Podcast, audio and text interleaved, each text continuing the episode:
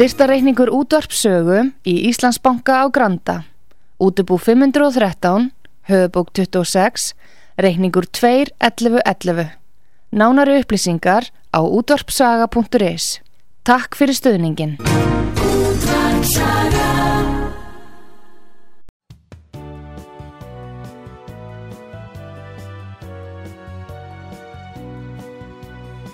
Síðdeðis útvarpið á útvarpisögu í umsjón Arnþróðar Karlsdóttur.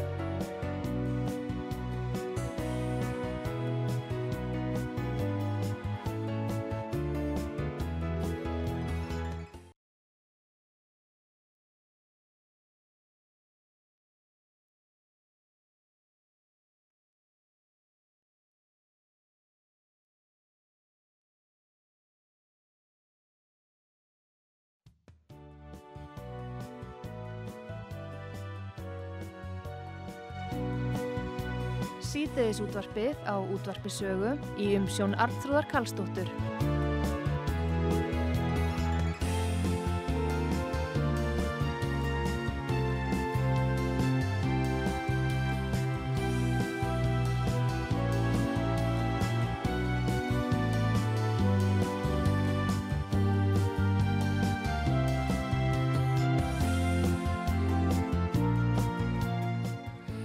Komið þér sæl, Artrúð Kallstóttir heilsar ykkur frá útvarpi sögu. Það eru heimsmáli sem eru framöndan og það eru raunverulega stóru fréttir dagsins í dag en uh, uthæringinsráð þeirra hefur byrt uh, frétt þess efnis að uh, það er að loka sendiráðun í Moskvu og Íslendinga vilja rúsneska sendiherran burt. Starfsemi íslenska sendiráðsins í Moskvu verður lagnir 1. ágúst næstkomandi og ránitistjóri saði rúsneska sendiherrónum í morgun að rúsar ætti að draga úr starfsemi síni og sendir á sinns og að Íslands stjórnvöld vilji ekki rúsneskan sendiherra hér á landi. Þetta eru raunverulega frettir dagsins koma mörgum og óvart og við okkur langar að grenslastóldi fyrir um þetta og heyra viðbröð frá Rúslandi okkar maður Haugur Haugsson frettamæður í Mosku er hér á línunni við ætlum að heyra í honum og fleiri málum á svæðinu, átakasvæðinu en þarna er greinilegt að svona þessi viðbröð eru komin á enn annað stig, ekki bara það sem að lítur að stjórnmálunum heldur á, í diplomatísku samstarfi. Góðan dag Haugur Haugsson. Já, kontur sæl aðstróður. Sæl og blessaður. Og hlustendur. Erðu, hvernig er það þessa frettir að Þórti Skólbrún utrækis á þeirra hefur ákveð að leggja niður starfsemi íslenska sendirásins í Moskvu 1. ágúst og mm. jafnframt gera stjórnvöldur á fyrir að rúsa verða að lámarka starfsemi sendirásins á Íslandi til samræmis við þetta? og það verður þar með svona stemt að því að hér verður ekki lengur rúsnesku sendiherra. Hvað er, hvernig fer þetta ofan í ykkur í Rúslandi svona í, svona í fyrstu allavega? Já, þetta er stórfrétt í diplomatískum samskiptum, sérstaklega samskiptum Íslands og Rúslands, hvað var það diplomatíu og stjórnmálarsamskipti og samræður og díalóg og annað en uh, diplomatisk steinst voru stopnað á tímum Sovjetríkjana 1943, reyndar fór maður í mikla reysu gerðum Teheran í Íran og annað uh, 1942 en 4. oktober voru uh, komið á diplomatískum tengslu millir Íslands og Sovjetríkjana og þá voru mjög, já, mjög erfiðum tímum fyrir sína síðarnemdu þar segja sovjetmenn sem áttu þá í gríðarlega erfiðu stríði gegn mjög sterkum innrásarherjum og allt þetta. Þannig að þetta er stórfrétt sem er að gerast núna og þú ert að vitna þarna í. Og uh, út af saga hegst uh, spyrja ráðni, uh, talsmann Uttaríkisráðundins Marju Sakarovu á, á næsta fundi í næsta viku. Fundið sjá henni yfir, yfirleitt á 50 og sjá hann til hvernig, hverju hún svarar en það verður mjög áhugavert að segja sjá það en þetta er, kemur mér sínist á fréttum hér í Moskva, þetta kemur rúsum mjög á óvart allavega en að ofinbeglega séð þó að ég veit hvað margir hafa búist við þessu Nei. Eh, þetta er kannski ekki reyðast lag en eitt slíkt en eh, Ísland er hérna komið í fremsta flokk þjóða sem er, eh, Ísland er fyrir nokkrum missurum og þess áttar mánuðum komið á lista óvinna þjóða, svartan lista óvinna þjóða og uh, nú tekur steinin úr þegar að þessi mjög harða ákvörðun uh, Reykjavíðar Gilvardóttur er að taka gildi og það er rétt rúmur uh, það eru já einn, og, einn mánuður og, og þjár vikur stanga til þetta tekur til hérna tekur sitt gildi þannig að já. þetta er mjög skrítinn að mínu mati Eh, ráðstöfun og, og, og hátittur utarrikisráðura og vantilega fósettisráðura sem er í tengslu við hana vilja sendi herran á burt Já. og þeir vilja reyka mikilvæg inn á skof sendi herra Rúslands frá Ríkjavík það er mjög, mjög, það er mjög, mjög sagt, engin, ja, mjög óvinnvitt staða sem þær er að setja sig í ásættur áður gagvært rúsneska þjóðinni og rúsneskum stjórnvöldum fyrst og fremst. Já, ég skil, en hérna, er ekki aðra þjóðir að gera þetta líka? Erum við ekki bara fylgja öðrum þjóðum sem eru uh, hérna á móti rúsanum í þessu stríði? Já, þetta er náttúrulega 50 þjóð, 51 eða 50 þjóður og þá er tala um Suðkóri, Japan, eh, Nýja Sjálfland, Ástralíu og fleiri lönd og ykkur NATO-ríkjana sem eru 31 og hálft, 31 skulle við segja núna, svíjarnir er ekki. Og uh, þetta er þessi alfa og lönd, eitt land í Ameríku, sunnan Mexiko, það er Belize sem er núnda bresk nýlenda þannig að Latino, Latino heimurinn hefur ekki tekið þátt í þessu. En Það hefur enginn, þarna er Ísland uh, vegna þess að diplomatía hefur verið líkillin að samskiptum og dialóg og því að menn geti borið uh, klæði á vopnin og stýrasverðin. En þarna er Ísland algjörlega útilokað slíkt og það var hátt mjög öflugur og, og virtur Íslandingur sem var að reyna eitthvað í fríðarmálum þannig að þetta mingar alltaf þess að tengslaneti, teng, strengi og tengsl sem gætu hafa verið í, í slíkum við, viðræðum og þess aftar En hvað var þar þessi 50 um það byrjlönd, uh, NATO-ríkin og önnur, að það hefur enginn loka sendir á þennu í Moskvu þannig að þetta er, menn hafa verið að fækka og þessi diplomataskandalar hafa uh, alltaf verið á mittilanda og reyndar voruður á sovjetímum, þeir hafa verið lítið eitt uh, á Jeltsinsti allt þetta sem sagt en það er núna eru vikulega, eru menn að reyka sendi herra og ráðnýtismenn og annað úr landi og þá svara rúsarnir yfirleitt er sömu mynd, mynd rúsarnir hafa stundum frumkvæði í þessu og kalla þá sendið herran og það er nota send og, og síðan svara þá hinnir í sömu mynd. Yeah. Þetta er nýr, algjörlega nýr frontur og Ísland er hér að setja sig í fararbrót uh, óvinnveittra ríkja rúsneska sambandsríkjasins og, uh, og uh, þeirra bandamanna sem sagt allt þetta uh, og, og þetta er sem sagt mjög já, sem er segja kannski ódiplomatist og óskynsynlegt að mörgu leiti en Ísland er hér komin í frontin og ákveðin manneskja í á Rauðurástíð vil greinilega vera þar fremst í flokki og uh, sem hefur verið hermannabúningum í kænugarði og víðars en, en, en, en nú, þetta, já. Já, nú saði Rúf einmitt í samtali við hana áðan Þortísi Kolbrunu utrengisáþra að þeir spurða hana hvort að með þessu væri Íslendingar að slíta stjórnmálasambandi eh, við Rúsland en eh, hún saði það ekki vera og saði að þetta væri, væri verið að byggja þá aðeins að lámarka svona starfseminna en að sendir að verið opna á nýju og um leið og aðstæðu leifi þetta er svona já, eitthvað já, tímabundi verið störa hvernig er að koma tilbaka í svona Það er nefnilega ekki auðvelt, auðvelt að koma tilbaka og þegar að svona gerist með einhlýða ákvörðun án þess að hínaðilinn sé að svara fyrir sig, þetta er frumkvæði uh, umrættrar embætiskonu að gera þetta.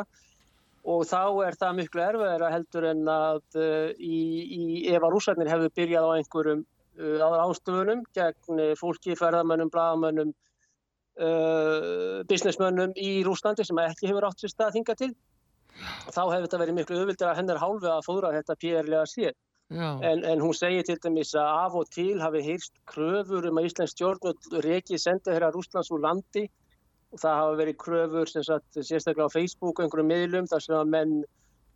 hafa sagt þetta fram, hún er þá að fara eftir já, kröfum eða óskum uh, einhver aðila sem er að minnum að þetta er stór minni hluti eða mikil lítill minni hluti allt þetta, íslensku þjóðarinnar. Og hvað var þar hagsmunni og viðskiptartengslu og annað, þá er þetta ekki gott uh, uh, ráðstöfun. Og, og eins og þú segir bara þá er erfitt að taka svona tilbaka, hún segir þetta eftir langa yfirlegu, hún hefur þá legið yfir þessu lengi á samt öðrum í sendiráðinu, stjórnaráðinu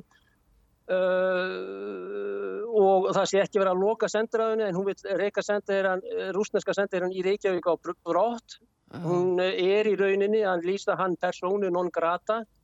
sem er afar óvinnveitt að fara fram á það að æstir áðamöður Erlends ríkis yfirgefi íslenska jörð og helst með þetta samme. Ég veit ekki með ultimatum að það sé sett þarna ultimatum í þetta en, en stundum eru 72 klukkustundir, 48 þar að segja 3-2 sólarhingar, mjög sjaldan 24 klukkustundir en það er gert í grófustu málum. En hvað rúsar hafa gert Íslandi um, er stór spurning en, og þetta er afar já, gróft eða sem sagt þetta er Ísland er að setja sig hér í frontin á uh, andrúsnarskum aðgerðum alveg klárlega og hverju rúsa svara en Ísland er þá komið á uh, lista örfára og óvinna og ef eitthvað fyrir að gerast að þá er stór spurning hvað verður um ef að rúsar ætla að fara að sprengja upp NATO vegna þess að ríkistjórn VFG er alltaf að auka í Helguvík núna og annað. Ef að rúsar ætla sér einhverjar mjög drastískar aðgerðir í því hittamáli sem að er að hittna og hittna og hittna þá því miður er Ísland að færast að, ofar og ofar á lista uh, skotmarka, hreinlega. Þannig að ég veit ekki hvað svo skynsanlegt sjángri konu þetta er. Já, en hérna, já þetta er náttúrulega svona svolítið sláandi dæmi en það eru margi líka sem eru mjög ánægir með þetta og telja að þetta hafi verið tímabært. Það hafi átt að sína rúsum fulla hörku á þessu sviði. En hinga til hefur þetta verið svona innan stjórnmálana en þetta er núna sem sagt komið yfir í þessu diplomatísku samskipti. Er, eru þau sko eru þau nöysileg haugur svona til þess að miðla málum og menn er reyna að tala saman í gegnum eh, sendiherra og aðra slíka? Já, já, ég held að það sé mjög mikilvægt að menn hitti ennbættismenn og fólkið úr ánitunum hittist og persónulega til ég það því fleira og fundir og, og persónulega tengsl og annað á milli þessar aðeila sé því betra vegna þess að þá er hægt að taka upp síman nokkur neginn hvaða tíma sólarhengs á kristilegum tíma skulum við segja og ræða málinn og það er verið að núna er verið að ræða og þarf að ræða að margra mati sem eru ekki á því uh, framtíð álfunar þessar litlu Evrópu grei, grei álfu og, og sem er spurning á hvaða leiður að sigla. Og, og rússar hafa til dæmis mjög mikilt góð tengsl við Asíu sem er stærsta heimsálfan. Og er alltaf að auka þau og bæði persónuleg tengsl og annað en bæði business, bláamenn embætismenn og annað eru líkilættri í því að koma á tengslum og að síðan að sé hægt að ringja að tala saman um það að ræða eitthvað sem að þarf að eigast í stað að sömra mati þar að segja frið og, og vopna hlið í þessum málum. Sumir er ekki á, þeim, þeim, á þeirri slíkum skoðunum. En, en, en ég meina að það eru fleiri fleiri þúsund rússar sem hafa rúsnesk ríkistvang á Íslandi og þá er það fjölskyttutengslu og annað og svo eru ferðarlög og ferðarmennska náttúrulega leggst algjörlega af með þessu framhaldi. Já. og uh, það að rússar sem að voru gríðarlega vinsælir, uh, ég þekki það sem bjáramalandsmaður í, í hérna, ferðarmennskunni voru gríðarlega vinsæli ferðarmenn á Íslandi. Hvað var þar neistlu og ríkidæmi sem að komi í þúsundavís og svo krakkar með bakboka og það var beint flug frá Núkova flugvelli hér í Moskvu Já. S7 heitir en þá og náttúrulega þeim er bannað að fljúa til Íslands og það var maður í flugvel og kipt fyrir já, 100 eurur eða 10.000 kall eitthvað svolítið smiða jafnvel fram og tilbaka með miklum fyrirvara. Þannig að það, það var low cost dæmi eða lágjaldarfélag sem að sálsveit flýgur ekki. Öll Európa, engin Euró, Európa flýgur ekki inn á Rúsland nema Serbarnir frá Belgrad og, og hérna græða vel á því aukþess að Turkis, þeir eru græða mjög vel Turkis Airlines eru líka græða mjög vel vegna þess að margir frá, frá Moskvu til Európu gegnum Ístanbul En, en, en, en uh, hvað var það náttúrulega fisk og annað að uh, við Ísland setti viðskiptabann vegna skrýpálmálsins, enginlegt mál sem að um, ekki vitað hvað þau eru núna niður komin og allt þetta. Nei. Þá á Theresa May sem var sína fórsetisráþur á tíð mm. í Dáninstræti tíu og þess áttar og þess áttar. En það bara að þinni spurningu aftur er beint að þá það með þessum aðgjörðum að gera þetta og Eitt sem er mjög mikilvægt að minn mati að ég nú í tengslum við Láru og Maríu líka meira náttúrulega Sakarovu sem er hans talskona eða talsmann að það er komin allt annað tótn í rúsneska diplomati og ef að Ísland þarf uh, áður fyrir að þá, uh, já já ok, við skulum tala saman, setjast niður. En núna eru hreinlega farnir að skella á nefið á fólki sem að vil aftur sem að það hefur uh, komið í, í sagt, um, á vondum tengslum og haft frumkvæðið því sjálft og hér er 100, meira en 100% frumkvæðið frá Reykjavík þannig að ekkert sem að hvað var þar íslensk-rúsnesk samskipti við erum ekki að tala um þriðja svæti, þriðja aðila eða Úkræðinu þessu tilvæg við erum fyrst og fremst að tala uh, þessan streng sem er Ísland-Moskva vissulega er einhver strengur og mun stærri frá Washington og yfir á Rauðurástegin það er vafalust rétt En uh, hvað var það sér að reyna að segja? Það er það að uh, byrja aftur og allt í góðu verðum um uh, að tótnin í Lavrov sem er náttúrulega undir stjórn Putins í Kreml er orðin allt annar hvað var það svona sjallingar og að, að sjalla málinn aftur og það er fyrst og næst rússar. Þeir hafði ekkert með hann fisk, fisk að gera rauninni, þeir getur geta eiga gríðilegan flota sem þeir eru að auka alltaf núna og annað En það er verið að loka þarna á, á viðskipti, samskipti, menningu, uh, íþróttir að sjálfsögðu og allt þetta sem að reyndar öll vestur-Európa er í en Ísland er hér í, í fremstu výlínu sem að persónulega held ég að ég hafi að, að það sé ástæði til að hafa kannski mm, áhugjur af svona frumkvæði, svona drastísku frumkvæði. Já, eins og er í þessu tilfelli. Algjörlega, algjörlega, þetta Já. kemur eins og segir, það er ekki neitt sem er að gerast ég meina ef að send eða, eða, eða, eða ef að túristi hefði verið ránglega uh, settur inn uh, tekin á bar í Reykjavík uh, lamin og sendt skýslu hingað til Moskvu til Marju eða áverkarskýslu eða beinbróti eða eitthvað slíkt mm. ef að businessmanni hefur verið hendt úr landi á, á Íslandi ef að sem sagt uh, óvinnsamleg uh, tengsl íslenskra sérstaklega yfirvalda eða almennings, þar að segja maður lamin að því hann er rúsi, batni hent út af batnaheimili að því það er rúsi, börnum er stríkt, eitthvað slíkt sem, sagt, sem að miskilst að hafi átt sér stað, sem er kannski allt annað mál. Ef að slíkt hefði átt sér stað og verið í stöðunni og þetta hefur verið svar en þarna er uh, Mikaeli kallaðar á teppið eða uh, ekki, ekki hans teppið náttúrulega en ára öðrastígin og sendið ekki sendi, og hérna rándi stjóri kemur með þessari yfirlýsingar og hann er beðin að vinsamlegast, eh, vorandi ekki óvinsamlegast, að yfirgefa land og jörð og þjóð, íslenska mm. þjóð og, og landsvæði innan einhverja tíma frest, eh, veit ég ekki, það er hverki sem ofinböðu tilkynningum, að eh, þá hefði það verið kannski eitthvað spil sem er að vinda upp á sig og svar, svara til því, en eins og ég segi þá er þetta gert vegna þess að, að ráttæra uh, ákveður að gera, gera þetta að líklega eigin frukvæði en auðvitað þarf hún ekki að svara fyrir neitt fyrir fyrir daginn. Sem að kannski er, er kannski áhugjefni í hvað var það íslensk uh, stjórnmál og allt þetta. En já þannig að þetta er mjög drastísk skref sem er tekið uh, alveg klálega að ástæðilusu að, að eins, og, eins og staðan er nú og, og rússar myndu að sjálfsögðu telja status quo þar að segja óbrætt ástand í þeim köldu tengslum sem hafa verið góð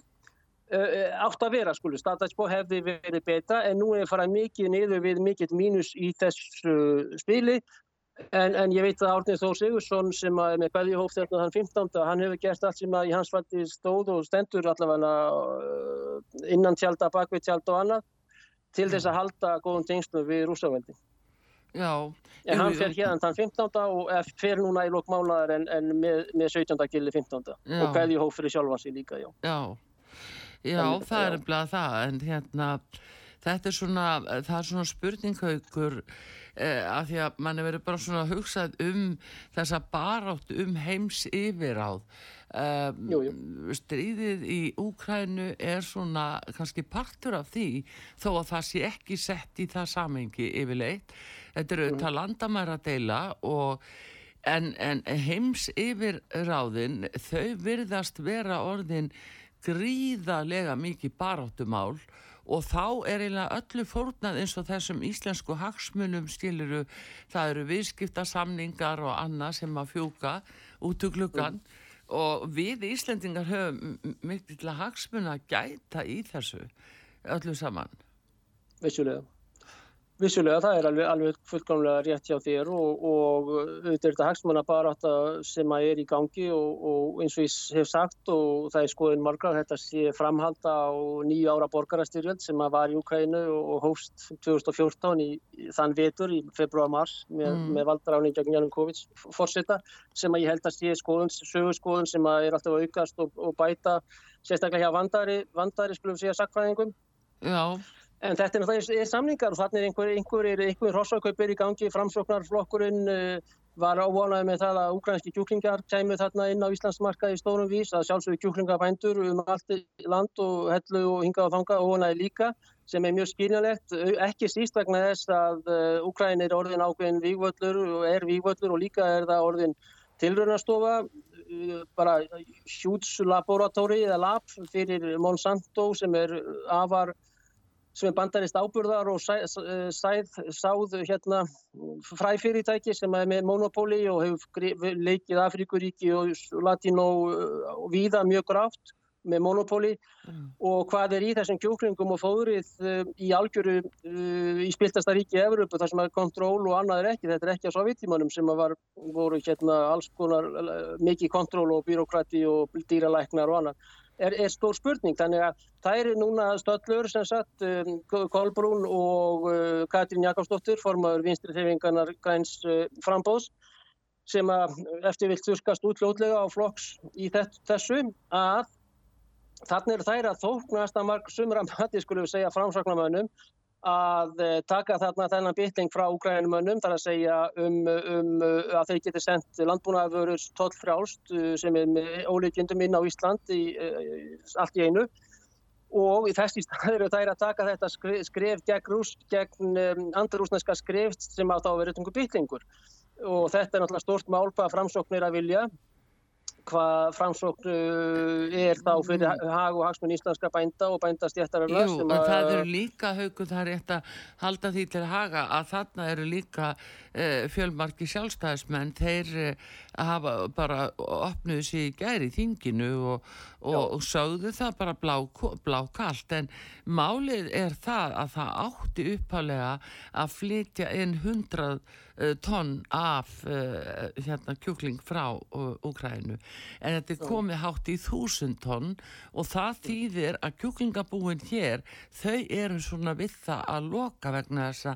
að þau standast ekki þessa samkefni Já, já, það sjálfsögðu. Þannig að það eru íslenskir hagsmunni sem menn voru að verja.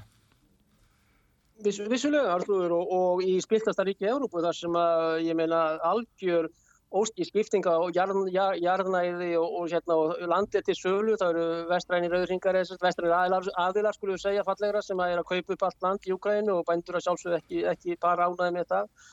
Þannig að það er að mínum að eðlert fyrir íslenskan stjórnmánaflokk að halda uh, hagsmunum íslenska bændastæðarinnar frekar uppi heldur en Úgrænu og, og Ísland er að selja miljardar eftir miljardar í peninga til Úgrænu sem er ekki neitt kontról, það er ekkert eftirlit með þeim peningum og mér skilt að þessi peningar fari beint til Washington á list á hérna reikninga uh, World Bank og AGS, altså uh, International Monetary já, Fund. En segð mér taukur, ég veit í sambandi við þessa peninga sem eru sendið, nú náttúrulega talar þú frá Rústlandi og, og þú svona tala kannski meira eins og að rúsneska þjóðin sér það, það verður að hafa það, mm. bera, svona, hafa það í huga, en hins vegar breytir það ekki því að uh, það er verið að tala mikið um þessa peninga peninga sem fara til Úkrænu og hvort þeir skilir sér umvel til fólksins sem á mjög um sátt að binda þar hinn alminni Úkrænumæður og sko vegna að, að mér langar að spyrja þig að því að alveg frá því að, að Sovjetríkin fjallu og eftir að Putin tók við þá tók hann á þessum oljugörkum, já mörgum allavegna, sem voru búin að leggja undir sig öðlindir og, í Rúslandi þeir fóru til Úkræn og eru þar ennþá og eru þáttakandur í þessu eru peningan þeirra að fara til þeirra? Já, það er aldrei, ég meina ég var 5 dólarar eða eurur af 100 komast í skíla til fátakra barna sjúkrahúsa munarleysingja hæla í það byggju upp þessa, í þessari skjálfuru eðileggingu, þá væri það gott mál. Þessi peningar fara stjórnlaust frá fjármálaráðnundinu frá Íslandi eru sendir á þessar reikningar sem að misplita séu í Washington. En ef það væri hérna PricewaterhouseCoopers eða Audit hérna endurskoðunar sem að kæmi með ok, þetta bara upp á eiri helst sko, ekki síst þegar við talum miljardar, miljardar, miljardar íslenska króna sem að er sendar í að sumra mati hít, þannig ég ætla ekki að fullirða um það sjálfur, en, en Úgræna er alveg skelvileg hít í sjálfur sér og svart tól bæði fyrir spilling og annað og höndir var þarna og, og spillingin og annað í og bara ástandið á stjórnendum hérna ég endur, já, er mjög enginlegt bæði móralt séð og fysiskt líka. Já, en ef það væri vandið átt í það þessu sem að Íslandingar og skattgreðendur síst ættu að geta krafist endur skoðunar pappýra að þetta fór í þetta og þetta verkefni hér í skýsli við þetta. En það vandar algjörlega hjá Ríkistjórn Íslands núna að slíkt sé í gangi og ég tel alveg bara nöðsynögt að, að, að, að það sé heilbreytt að gaggrína slíkt ekki síst við erum að tala um gríðalar fjárhæðir. Nú með ólíkarkar Já Byrgjum. Með ólíkarkan Arnóður, með það dæmi sem þú spurður um, þá er það þannig að Putin hann reykur þá langum mestu leiti úr landi upp úr 2000, upp úr 2003-2005 kannski þegar hann er búin að styrkja nógu vel stöðu sína til að vera ekki kúpað út í, í hallar putsi eða kúptöta að þess að og en sama stæði er ekki í Úkræna þannig að Úkræna núna er vývöldur eða er, er landsræði þeir sem að selta þetta til vestrætnastórfyrirtækja, Monsanto eins og ég sagði áður er þarna með mikið í, í, í hérna, fræframleyslu og, og, og skortireitri og svo þurfa menn alltaf að kaupa framhald, menn eru áskrifendur af Monsanto, get ekki farið að þeir eru jötu, þetta er nú fyrirtæki sem e, framleiti Agent Orange hér í Vietnam í Gallandaga. Já. En þeir, þeir eru þarna Kolomolski, Parashenko, fyrirhandi fórseti og það má telja upp hérna hín og þessi slafnöskun öfn og reyndar með þýskumendi líka geðingan öfn sem eru búinir að hérna, leggja undir sig Úkrænu og er ekki að sleppa á henni og ólíkarkían eða ólíkarkatið, ólíkarkían, demokratía, ólíkarkía er með svoleiðis gelfilegum hætti þannig að ég held sem miklar áhyggjur á því að þeir bankar sem að þetta er sendið til að þeir stjálf fjármálanstofnanir þar sem er íslensku peningar og vestrunum peningar eru sendið til Já. hvað var að vopnina þá eru þeir komin til Finnlands og ekki síst Norður Afríku og jáfnveil Suður Ameríku eru þessar sænsku hérna skritrygabissur Panzer, Panzerfaust komnar, það heitir ná ekki reyndar þessu þýska nafni, þess að svensku rörin. En hérna, þannig að eftirlit með Úkrænu og þetta í mæjunum mati á rándistjóri, háttvirtur maður sem að í morgun var í ennbættiserindi háttvirtur á þeirra sem að kannski mm, er ekki með vinnu kannski ekki við það að setja sig einstvilin í máli eins og rándistjóri sem búin að vera í mörg ár Þetta er nokkuð sko sem að fólk á að gera sér grein fyrir og hafa aðeins uh, gaggrina hugsun hvað var þar hérna hít, uh, spillingar hít Evrópu núna í dag sem ákræðina er og jafnvel vestranni miðlar, það er kannski að breytast aðeins tóninni í vestranni miðlum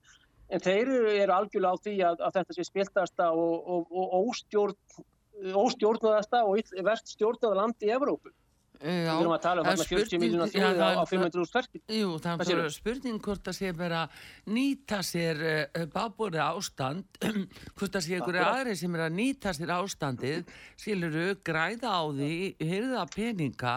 en vilja þar alveg ekki semja og vilja ekki náninu, sko, neinum frið þarna. En ég ætla að ræða þetta betur við í haugur, ég þurfum að fá auðlýsingar hér á útarpisögu, höldum áfram að eh, spyrja þið út í þetta og sömu leiðist þessi átök um baróttuna um heiminn og heimsifir á. Haugur Haugsson, uh, frettamæður í Moskvu hér á línunni, við komum aftur eitt í skammastund, þurfum að hlusta á út á sögu.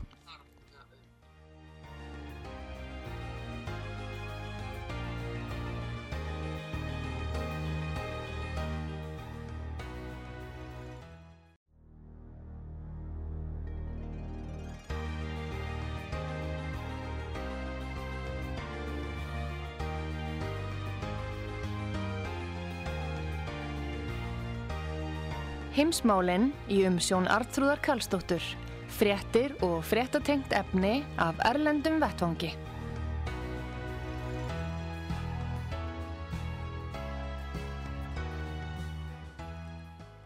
Komið þið sæl aftur uh, heimsmálinn hér á dagskrá nýjasta málið uh, Íslendingar að uh,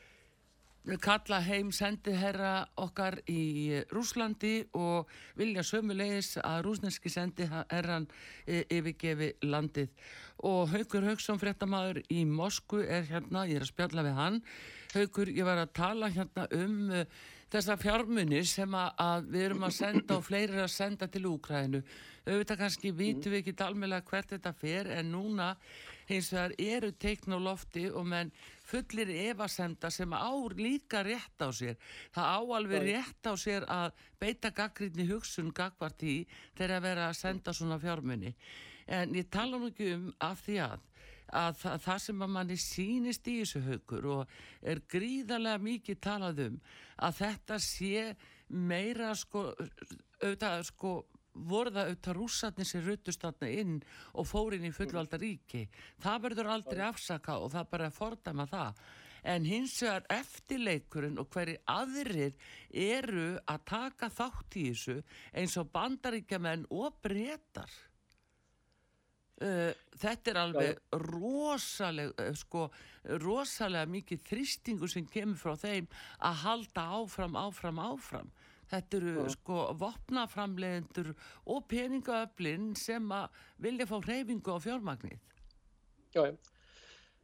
vegna þess að það er engin, engin uh, tótn sem er frá Vesturlöndum í því að, að reyna að stoppa þetta og byrja samtal og samræður og þá byrja það yfirleitt að diplomatískun leiðum. Þannig að það er og Íslandir hér uh, því miður að fara á fremsta vagn og fremstu výlinu í því að, að halda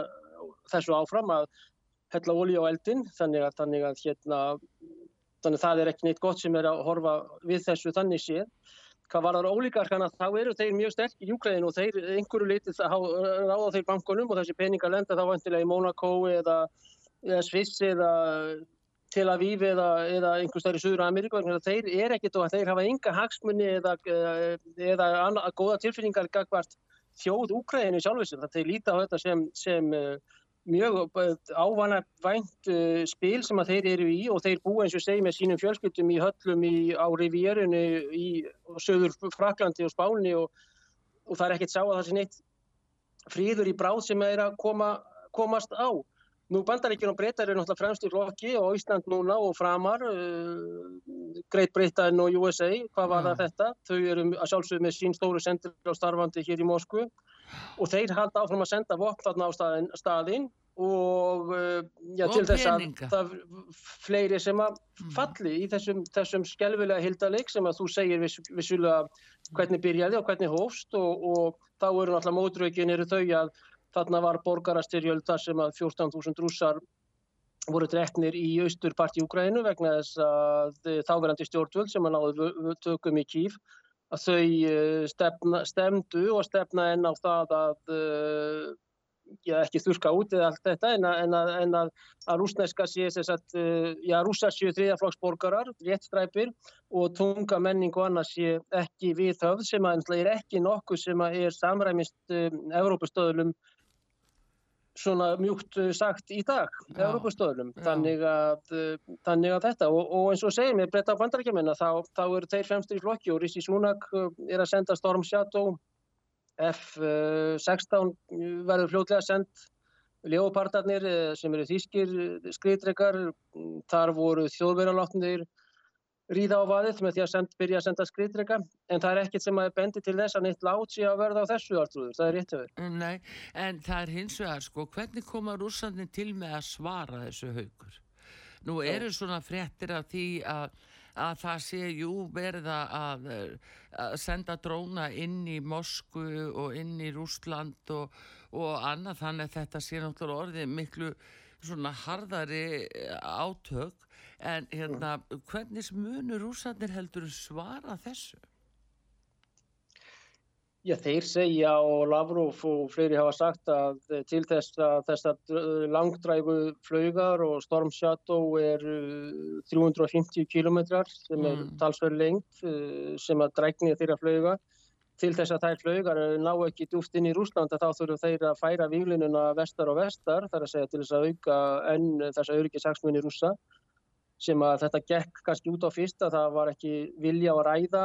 diplomatist að ræða uh, hlutlaust belti, það var stemt á því að taka Úkrænu alla inn í, inn í NATO og Georgi líka, Grúsíu sem er þarna líka við Svartahafi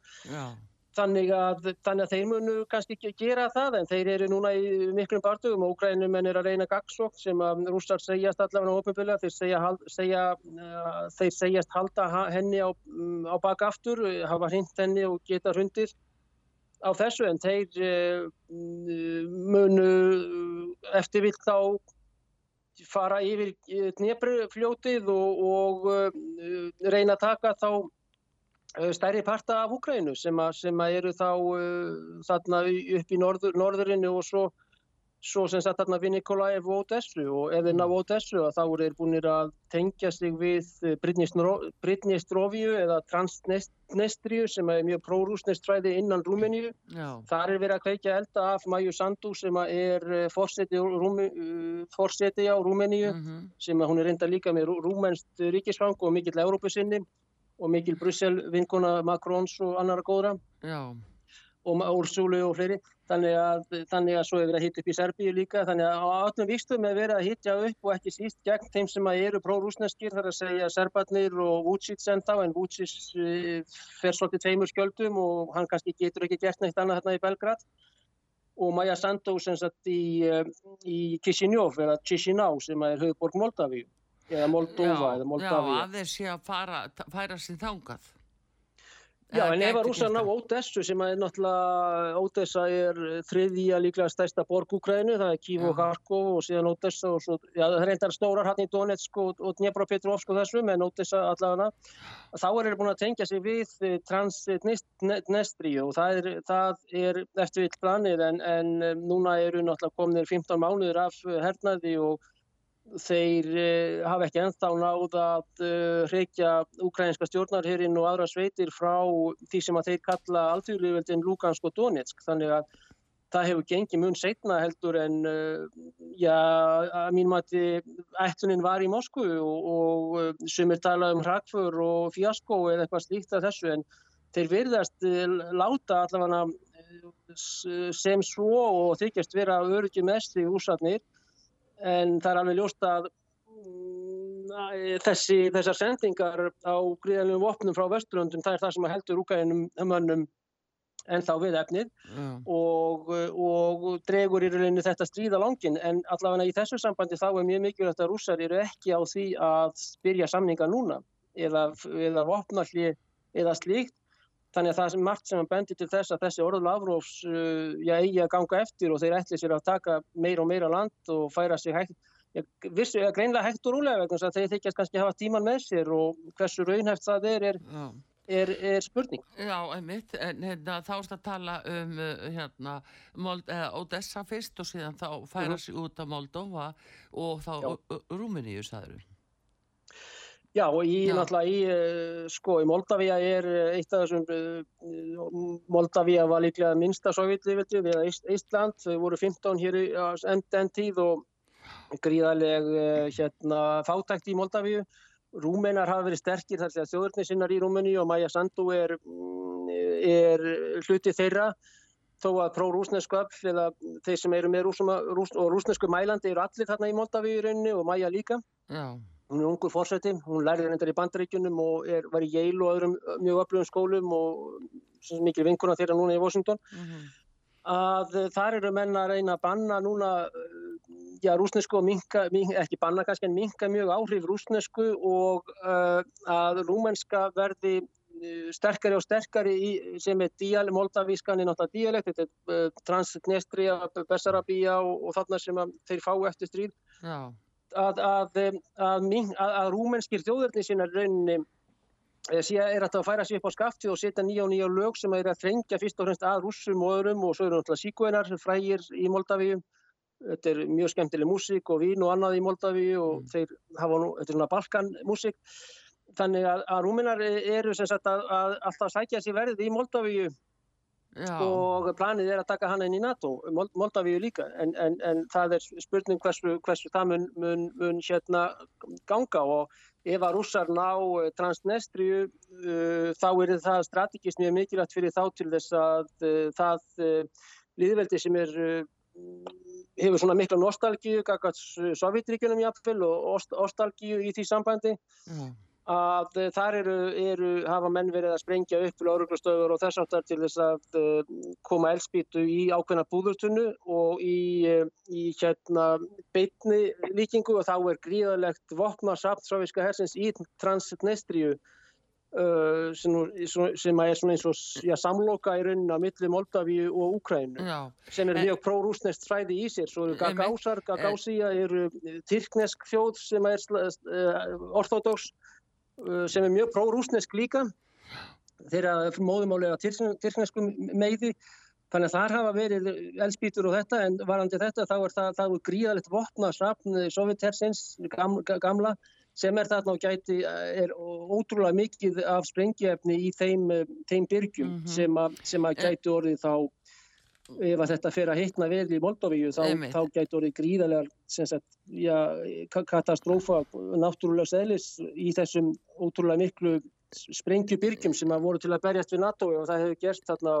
1970-1960. Já, nú einmitt haugur eru frettir mjögstu ellendis að Úkrænumenn séu búin að hefja þessa gagnára og svo það séu raun og veru nokkri dagar síðan að þeir hafi mm. farið í þessa gagnára ás og uh, þetta sko þessi sprenging sem að hafi orðið eða við þessa stíplu Staprosje stípluna að mm. það hafi raun og veru verið bara uh, slis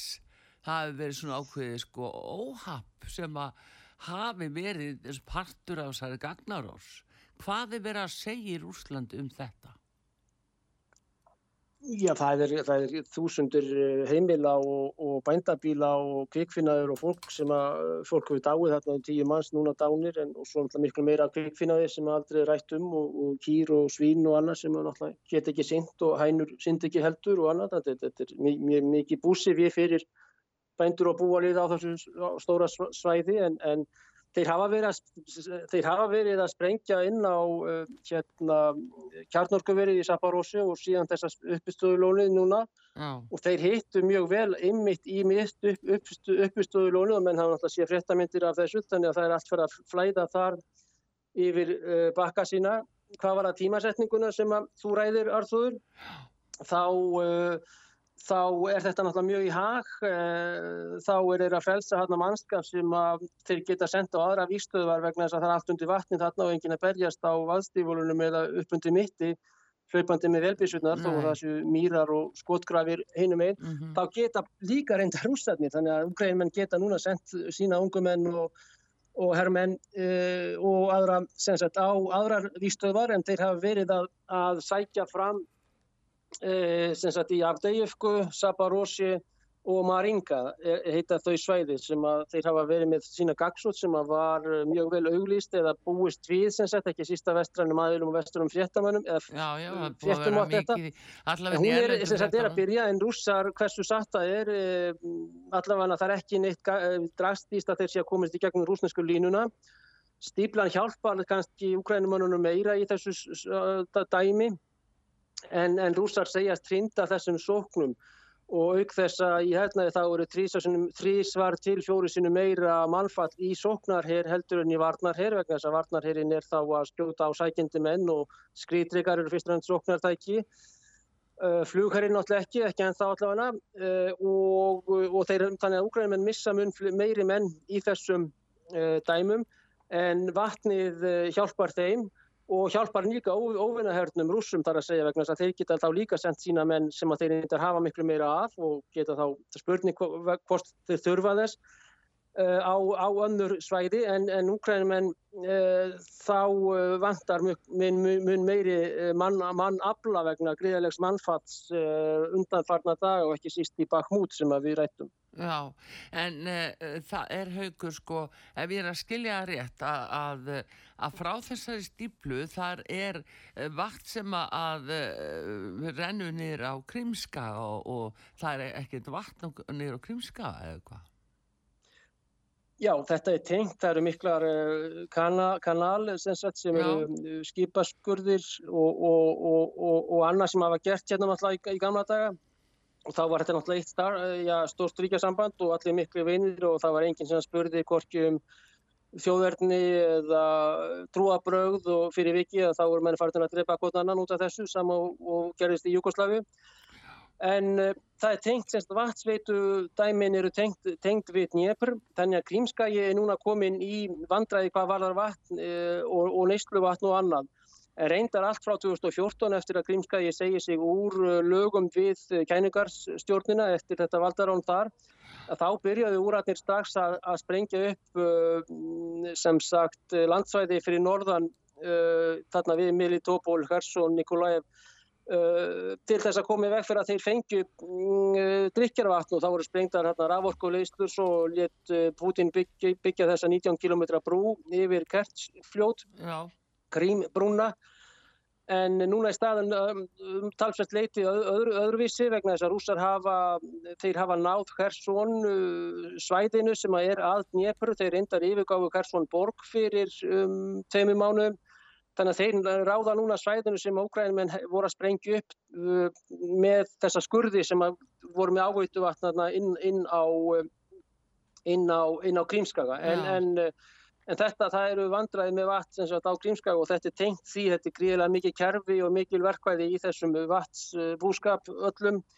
og, og svo er þetta skipaskurðir líka Það eru, það eru, það eru, sagt, eru, eru já, siglingar frá Kík alveg niður, niður í Svarta og síðan yfir á Bulgaríu, Rúmeni og Tyrkland, Ístanbúl jáfnvel.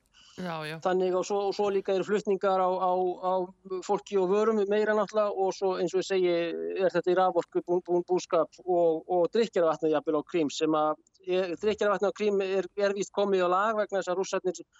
sendur líka leyslur þarna já. Já, undir brunni líka eru mikla leyslur. En haugur, svona bara núna fyrir að ljúka þessu að þá, ég ætla nú svona að, að eh, koma aftur af þessu af þessum stóru fréttum dagsins má segja að mm. Ísland hafi tekið þessa ákvörðun að kalla sendi herran heim og óska eftir að rúsneski sendi herran fari hérna Eh, þetta er svona svolítið spurning um þessa hagsmunni, viðskipta hagsmunni sérstaklega til frambúðar þegar fram í mhm. sækir og það er svo mikið í húfi finnst manni og svo mikið íslenskir hagsmunir í húfi að bara út af mörguðum rúsar hafa náttúrulega hjálpa okkur Íslandingum gríðarlega mikið í gegnum árin og bara síðast núna í bankarhuninu þá vildu þeir lána okkur á mjög góðum kjörum til að hjálpa okkur með hana. Kannski með þess að nágrannalöndin sögðu nei og vildi ekki til okkur gera. Og uh, síðan náttúrulega þekkjum við úr uh, hérna landhelgisteilinu og öllu því. Og síðan bara uh, á nýjunda áratöknu þegar verðbólgan var hér á Íslandi, hún var hvað 113% og þá voru það rúsa sem að björguðu fjallóðunum með því að kaupa sko allar rollur og ærkjött og, og sviðalappur og allt sem fannst og gærur til þess að bjarga fjallóðunum í Íslandi. Þetta er svona einhvern veginn, þegar maður fyrir að horfa fram í tíman og á þess að markaði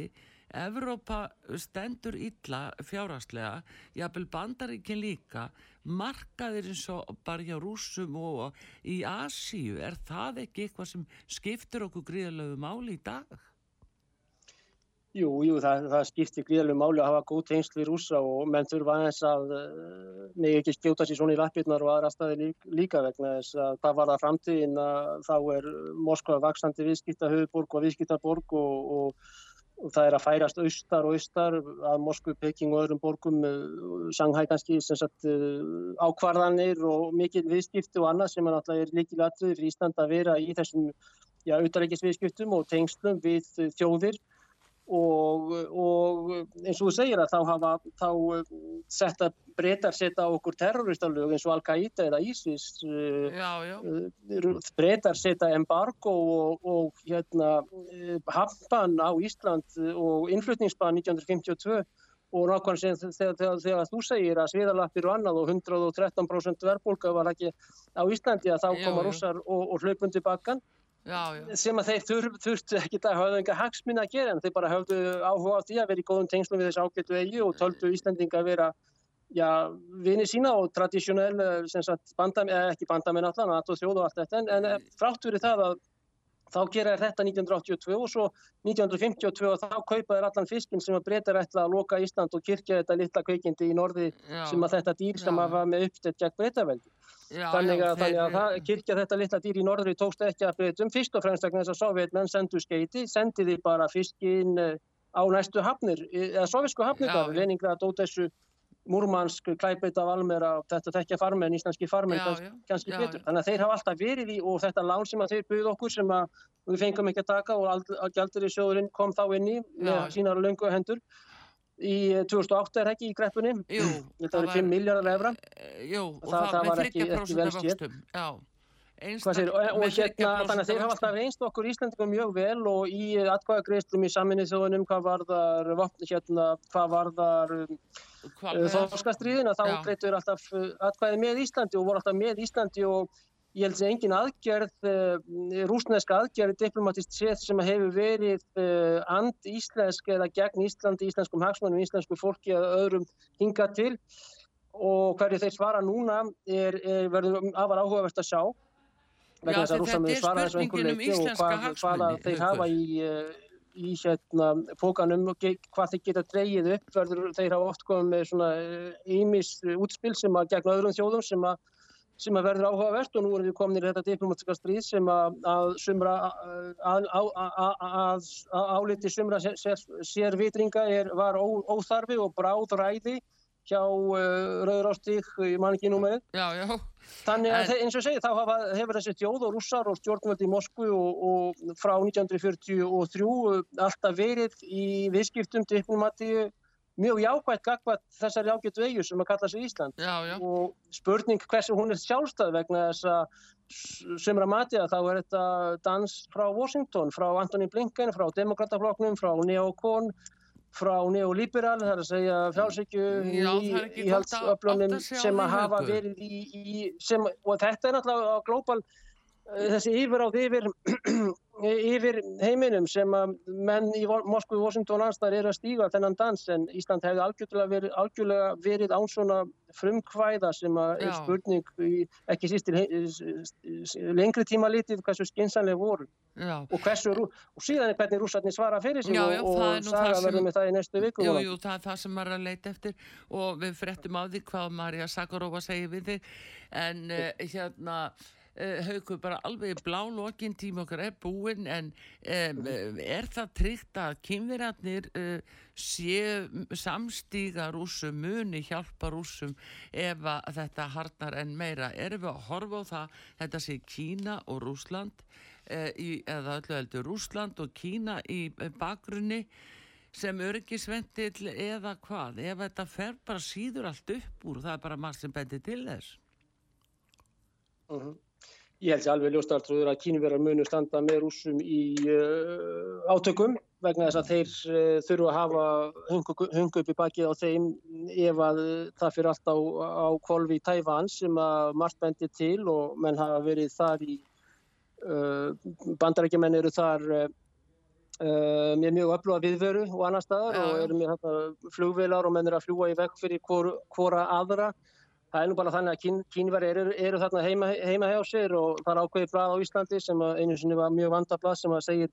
bandarækjumenn í eftirritsflugi, uh, kalla njóstnaflugvila bandarækjumenn rétt við Kálgarðinn eða upp við, við Kínastrendur eftirritsflug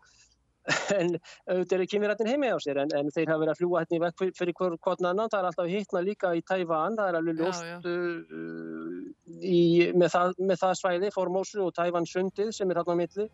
en það er þá vantilega sjóorustar sem að muni eiga sér stað þar. Og kynverðar rússar hafa verið í miklum heræfingum og hersamstarfi og yfirmaður kynverska herrásins er í persónulegum uh, sanksjón, hann er sagt undir efsækjörðum persónulega vegna þess að hann kaupir er í miklum tengslu við rússana og hefur keipt mikið af rússnarskum vopnum og eldflögum og, og ekki síst er þetta spútningar og, og satellítar núna og, og radarar og, og þess áttar. Þannig að það er alveg ljóst uh, með þína spurningu að, að uh, Kína mun ekki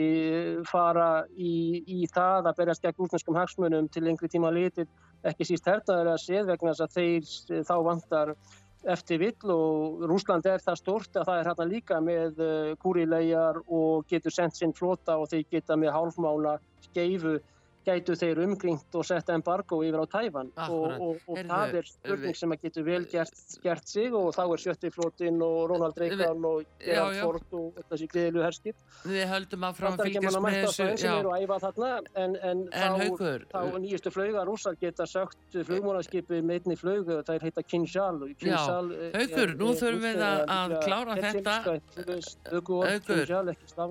Eh, þýðir- við þurfum að- klára þetta núna